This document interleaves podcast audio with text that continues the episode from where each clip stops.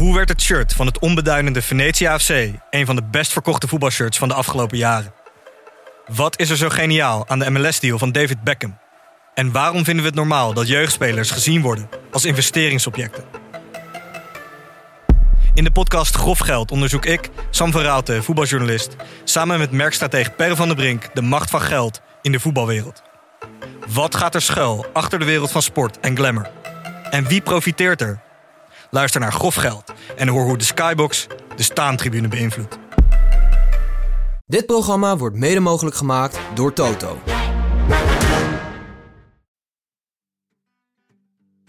Oké, zal ik eh, gewoon... eh zet maar aan hoor. Staat aan. Hij staat al aan. Oké. Ah, Maaike. Hoi Tim. Zo blij jou te zien deze blauwe maandag. Goed hè? Wij zijn even eh, speciaal tussendoor. Want dit is niet een gewone aflevering. Helaas. Dus iedereen die nu boos zijn telefoon in de hoek wil gooien, dat mag. Ik snap het. Ja. Maar we zijn er wel even. Omdat we een eh, andere podcast willen introduceren. Mhm. En omdat we een bekentenis willen doen. Ja. Namelijk, we houden niet alleen van wielrennen. Je had even een trigger warning moeten geven, denk ik. Oh, trigger warning. Soms houden we ook van de andere sporten. We kijken heel soms voetbal. Voetbal. Ben jij, eh Roosendaal, eh nee, RBC? eh, Ja, ik ging vroeger op het fietsje naar het stadion van RBC. Echt? Ja, zeker. Naar alle wedstrijden, tot, tot de ondergang aan toe. Het was echt heel treurig. Op een gegeven moment was het stadion leeg en ik zat daar met mijn stiefvader weet je gewoon, was gezellig. op de middenlijn. Worstenbroodje, Worstenbroodje. natje erbij. Ja. en jij? Ja, jou, je hebt een, eh een gunnershart, hè? Ik heb een lichte Arsenal-obsessie, Mhm. maar een Ajax-hart. Oeh, oeh. Dus dat is een... eh, Nou, dat, de laatste combinatie. mensen die nu nog een telefoon in de hand hadden. Die is weggegooid.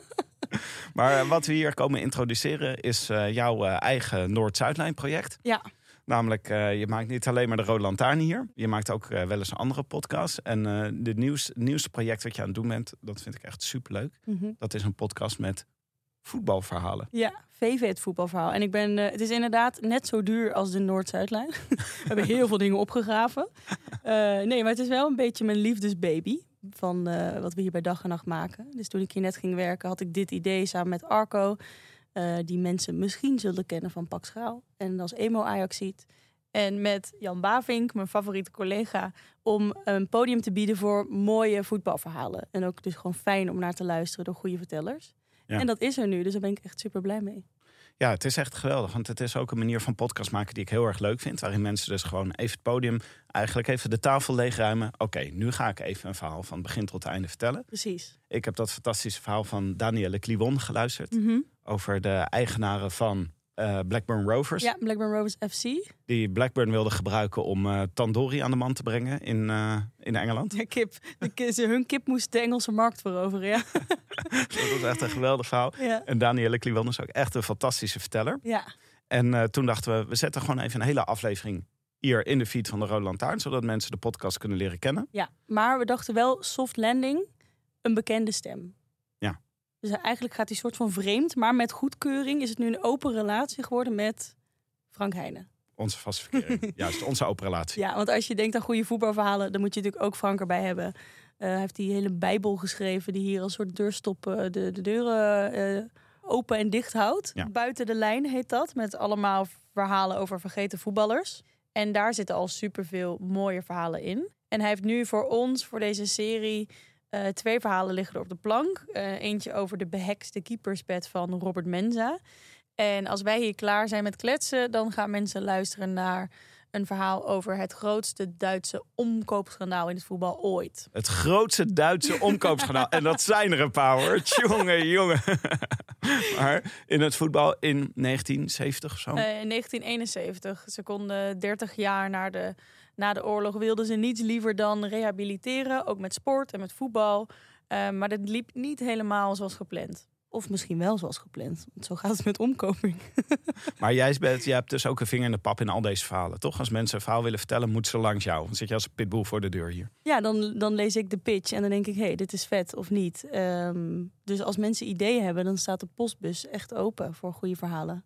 En hoe eh, kunnen ze je bereiken? Behalve via natuurlijk Oeh. info at de Ga ik nu mijn 06 geven? Of gewoon maaike at dagnacht.nl. En Mike is met één A. Ja. Om het makkelijk te houden. Niet Amaike dus, hè? Oh, oh, oh, oh, zoveel schokken achter elkaar hier voor de luisteraars. En Ja. even eh, voordat we naar de podcast gaan luisteren. Wanneer zijn wij er weer? Oeh, eh, over een week. Want we gaan wat teamspecials maken. En we beginnen natuurlijk met onze vrienden van Team Jumbo-Visma. Daar heb ik echt veel zin in. Teams einvoelen en verstehen. Ja, ik zit al de hele winter alle renners op Strava te volgen. Hoeveel kilometers. Ik heb alles bijgehouden. Ik ga denk ik even een Excelletje maken. En dan komen we met het masterplan voor Jumbo dit jaar. Zullen we op uh, onze Vriend van de Show pagina ook even een oproepje doen... voor alle goede juice over de ploegen die we gaan Oh ja, dat is een goeie. Ja. Nou, we beginnen dus met Jumbo. En nou, we gaan alle grote ploegen langs. Dat is het plan. Ambitieus, maar zo zijn we. Ja, alle grote ploegen. alle vier. Oeh, ah, Emirates. Inderdaad, we beginnen met Bahrein, UAE Emirates en daarna Gazprom. Goed, en dan uh, nu naar, uh, over naar Frank. Ja, veel luisterplezier. En natuurlijk... A biento. A biento.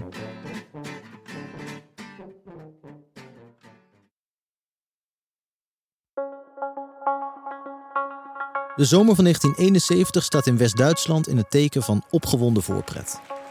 Over precies een jaar zullen in München de Olympische Spelen plaatsvinden en ook het eerstvolgende wereldkampioenschap voetbal, twee jaar daarna, zal door Duitsland worden georganiseerd.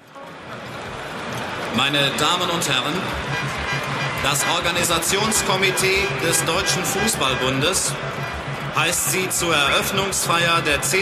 Fußball-Weltmeisterschaft in der Bundesrepublik Deutschland sehr herzlich willkommen. De hele wereld zal aandachtig toezien hoe de rehabilitatie minder dan 30 jaar na het einde van de oorlog moet worden voltooid, liefst met een wereldtitel. Afleiding kan de Duitse sport niet gebruiken. En al helemaal niet een groot omkoopschandaal in het Duitse voetbal, waarbij talloze bekende spelers, trainers en clubs betrokken zijn. Een schandaal waarbij honderdduizenden marken op parkeerplaatsen van eigenaar wisselen. Rust, kalmte, de blik vooruit. Wat geweest is, is geweest, ten koste van alles. En als daar iemand voor moet sneuvelen, ja, dan moet dat maar.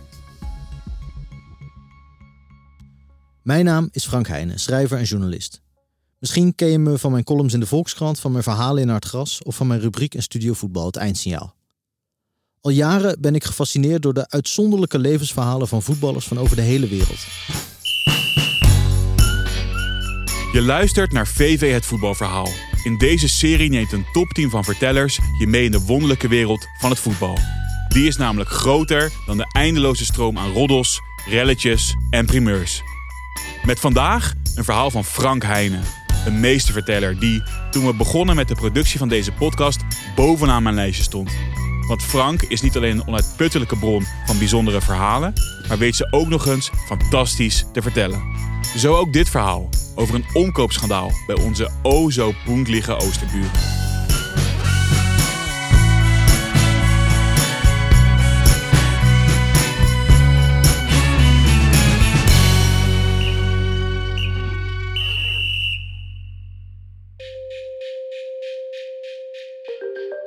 Horst Gregorio Caneas is de zoon van een Duitse moeder en een Spaanse vader. Vanaf 1954 is hij directeur van het familiebedrijf, een zuidvruchtengroothandel in Frankfurt am Main. Tien jaar later meldt hij zich voor de vacature van voorzitter van Kiekers Offenbach, een club uit het vooronder van het Duitse voetbal, die af en toe bijna per ongeluk een jaartje in de hoogste divisie speelt. Caneas wordt geschikt bevonden. Het Duitse voetbal heeft in die tijd een probleem. Matchfixing. Centrale figuur in deze handel in winst en verlies is Roodwijs Oberhausen-voorzitter Peter Maassen. Maassen is de alleenheerser in een klein universum. Spelers en trainers noemen hem de Pasha. In 1952 al tracht de Pasha de promotie van zijn club naar de Bundesliga veilig te stellen door er een zak geld tegenaan te gooien. In eerste instantie gaat dat niet door. Maar een jaar later schaft hij alsnog zijn gewenste promotie aan. In de eerste jaren van Horst Gregorio Caneas voorzitterschap bij Kiekers Offenbach klopt Maassen regelmatig bij hem aan. Maar Caneas houdt zich doof. Eind jaren 60 breiden de omkooppraktijken zich verder uit. Wanneer in 1969 een spelersmakelaar aan de trainer van Kiekers Offenbach aanbiedt een wedstrijd voor diens club te kopen voor ongeveer 80.000 mark, laat de trainer zijn voorzitter weten dat de club maar het beste op het voorstel in kan gaan. Anders, zegt hij, liggen we er voor altijd uit. Zo wordt er dus gewonnen en verloren in het Duitse voetbal van de jaren 60. Maar, zegt Horst Gregorio Caneas, zo hoeft het voor hem niet. En hij vertelt zijn trainer wat hij tegen de spelersmakelaar kan zeggen. Nein. Op 5 mei 1971 krijgt Caneas telefoon. Aan de andere kant van de lijn klinkt de bekende stem van Manfred Manglic, doelman van 1. FC Köln en de Mannschaft. Köln speelt die avond een inhaalwedstrijd tegen Rood-Wijs Essen, directe concurrent van Caneas Kiekers. We hebben een mooi bod van Essen, zegt Manglic. Maar u kunt er natuurlijk wat tegenover zetten. Entschuldigung? vraagt Caneas. 25.000 mark. Zo niet, dan wint Essen vanavond. Caneas twijfelt. Wat Manglic hier voorstelt is strikt genomen geen omkoping. Onmiddellijk belt hij naar de secretaris van de voetbalbond... om zich ervan te vergewissen of het verboden is om overwinningspremies uit te loven. De secretaris speurt een avond lang in het DFB-reglement en belt dan terug. Nee. En dus gaat Caneas akkoord met Manglits eisen. En tegelijk heeft hij een plan, een geheim plan. Een plan om de omkoping die de Bundesliga als een schimmel overwoekert te laten stoppen. Op Manglits verzoek spreken hij en teammanager Willy Conrad met elkaar af in de buurt van het stadion. Eenmaal daar aangekomen duwt de doelman de teammanager een envelop in de handen en maakt zich uit de voeten. Conrad opent de envelop. Er zit een ticket in voor een Kulse parkeerplaats en de beschrijving van de auto van de echtgenote van Manglits. Manglits vrouw weet ervan. En even later treft Willy Conrad de Peugeot 204 op de afgesproken plek. Inhoud 25.000 mark en een kwitantie. Zeg maar een bonnetje. In zijn hoofd herhaalt Willy Conrad voortdurend de opdracht die hij van Caneas heeft gekregen. Zorg dat iemand die kwitantie tekent. Manglits vrouw weigert in eerste instantie het bonnetje te ondertekenen. Dit is geen transactie waar je met plezier je naam onder zet. Discussie, gedoe. Loopt het nou allemaal echt spaak op een bonnetje? Nee. Uiteindelijk stemt vrouw Manglits toe. En diezelfde avond wint de eerste FC Köln met 3-2 van Rot-Weiß Essen. Dann haben wir gewonnen und dann hat er das auch an meine frühere Frau bezahlt, hat sogar eine Quittung gekriegt, weil bis heute. Ja, wie, wie? En Horst Gregorio Caneas zit er middenin. Waarin? In de Schummelkreis, zoals hij het zelf noemt. Niet veel later belt Manglitz Caneas nog eens op. Onze voorzitter eist dat wij winnen op de laatste speeldag. Bielefeld gaat van Hertha winnen, dat weet ik al. Caneas begrijpt wat dat betekent. Dan degradeert Kiekers Offenbach, zijn Kiekers Offenbach. Maar dan zijn we gedegradeerd. Gelukkig hebben jullie mij, zegt Mangliet zacht. Entschuldigung? De Kiekers spelen op de laatste speeldag tegen Köln, waar Manglitz op doel staat. Een dag later al hangt een andere nationaal speler aan de lijn. Hertha middenvelder Bernd Patske. Wat Caneas ervoor over heeft als Hertha van Bielefeld wint. Caneas antwoordt dat hij zich daarover geen zorgen maakt. Hertha heeft immers een veel sterker elftal dan Bielefeld. Geruis in de horen en meteen daarna een andere stem. 120.000 voor onze zegen, anders gaan we in op het aanbod van Bielefeld. Caneas vraagt 48 uur bedenktijd, maar die krijgt hij niet. Dit is het moment dat Horst Gregorio Caneas al zijn telefoongesprekken op band begint op te nemen. Wanneer hij voldoende bewijs op band heeft, laat Caneas zijn opnames horen aan een hoge functionaris bij de voetbalbond.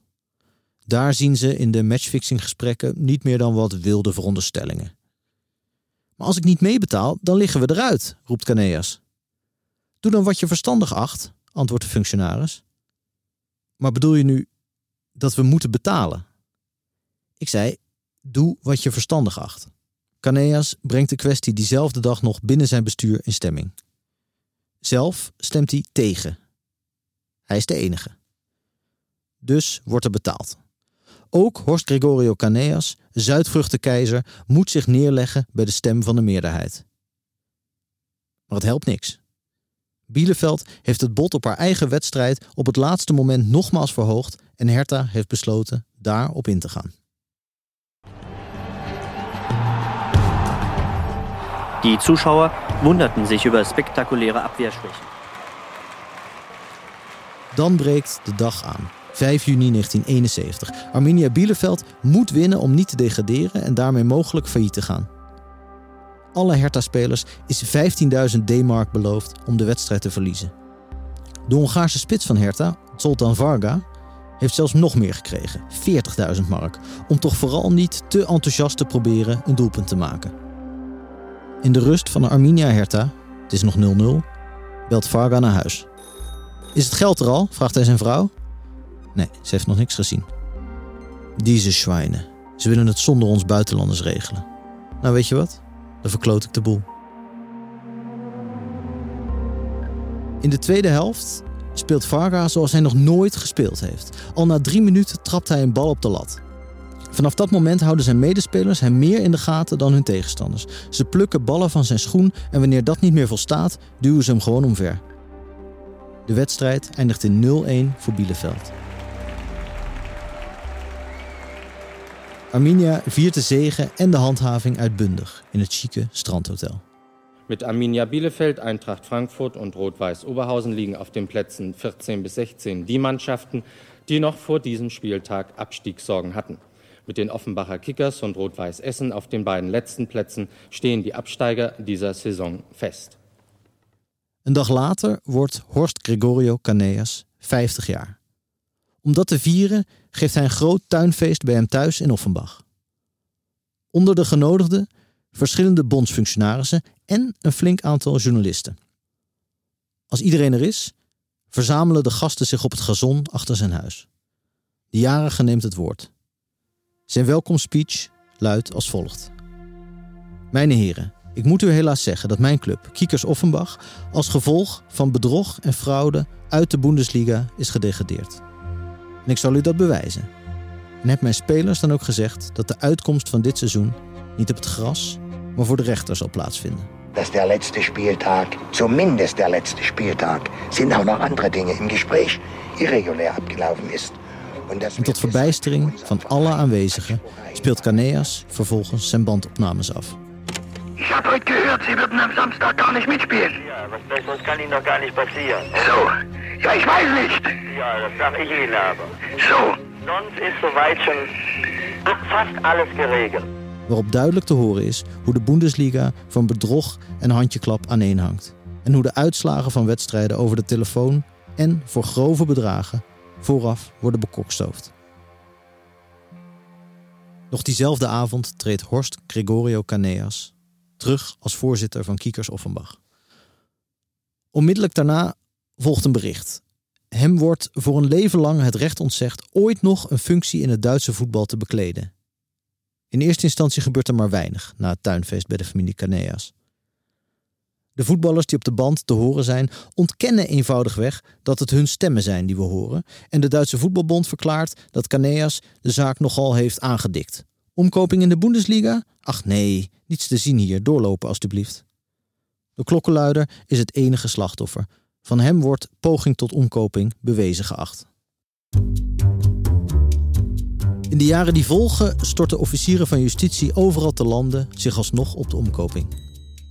Ze halen talloze dubieuze betalingen boven tafel en ook Caneas zelf reist stad en land af om gesprekken te voeren met spelers en bestuurders. Alles om de zaak die zijn levenswerk aan het worden is, van fundamenten voorzien.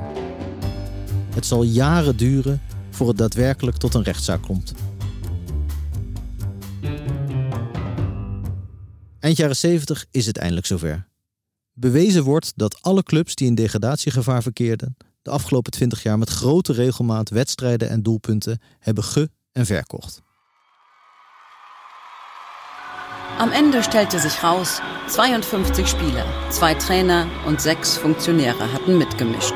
Schalke 04, der erste FC Köln, Arminia Bielefeld, der MSV Duisburg, Eintracht Braunschweig, aber auch Hertha BSC und der VfB Stuttgart. 1,1 Millionen D-Mark an Bestechungsgeldern waren geflossen. Die Fans waren sauer und ließen es die Spieler spüren. Bij maar liefst 26 van de 72 onderzochte wedstrijden in de laatste acht Bundesliga-speeldagen deden zich manipulaties voor. In 18 van die 26 gevallen kan een vorm van omkoping daadwerkelijk bewezen worden. Enkele voorbeelden alleen al uit het seizoen 1970-1971. 17 april 1971. Arminia Bielefeld betaalt Schalke 04 40.000 mark voor een overwinning. 22 mei 1971. Manfred Manglitz krijgt 25.000 mark voor het doorlaten van vier doelpunten in de 4-2 tegen Roodwijs Oberhausen. 29 mei 1971. Arminia Bielefeld was diep in de buidel om drie spelers van VfB Stuttgart te overtuigen niet al te zeer hun best te doen. 45.000 mark. 5 juni 1971.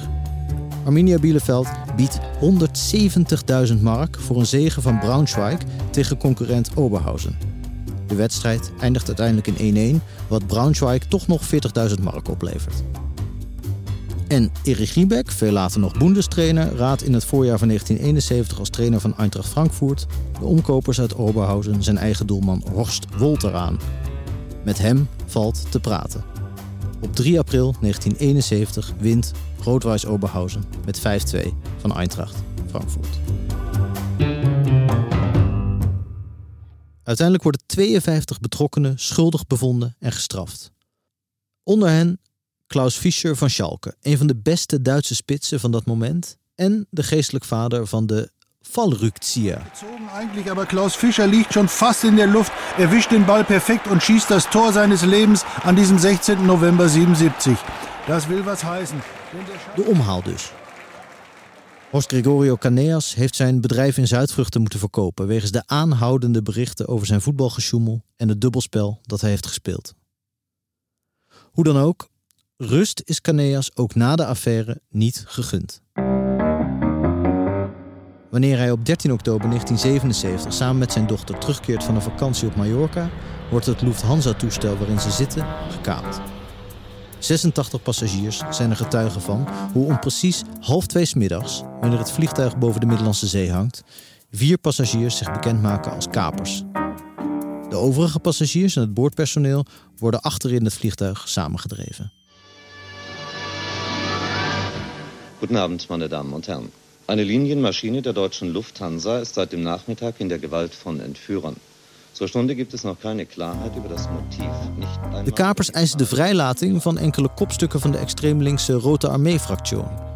En wanneer die niet direct volgt, loopt de kaping uit op een langdurige gijzeling. Op slepende onderhandelingen met de Duitse overheden en op een reis met het vliegtuig langs de luchthavens van Rome, Cyprus en Dubai. Uiteindelijk worden de gijzelaars, waaronder Kaneas en zijn dochter, in veiligheid gebracht op het vliegveld van Mogadishu, Somalië. Als ze hem later vragen welke gebeurtenis erger was, antwoordt hij: het schandaal. Veel erger. De kaping, zegt hij, had nog een menselijke kant.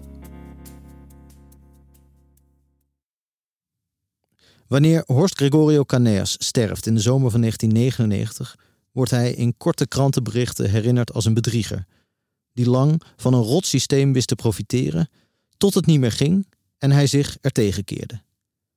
Maar tegelijk ook als een moedige spijtoptand, wiens spijt te vroeg kwam.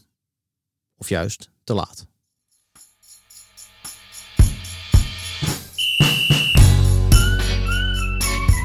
Heb je genoten van dit verhaal? Laat dan vooral weten dat je luistert. Deel de podcast in een paar WhatsApp-groepen. Bespreek dit verhaal een keer tijdens de lunch op je werk. Of maak een mooi tweetje. Zo help je ons enorm. VV Het Voetbalverhaal is een podcast van Dag en Nacht Media en Podimo. Mijn naam is Jan Bavink en dit verhaal werd geschreven en verteld door Frank Heijnen. Sounddesign en muziek door Bas van Win en Jeroen Jaspers. Volgende week weer een nieuw waargebeurd verhaal in je favoriete podcast-app. Zin in meer goede verhalen? Luister dan ook eens naar Goed Verhaal. In deze podcastserie neemt Alexander Klupping je wekelijks mee in een verhaal dat absoluut verteld moet worden. Mijn favoriet is de aflevering waarin Bianca Schrijver en Geert Vlieger een streaminghit proberen te kopen. Je luistert Goed Verhaal exclusief op Podimo.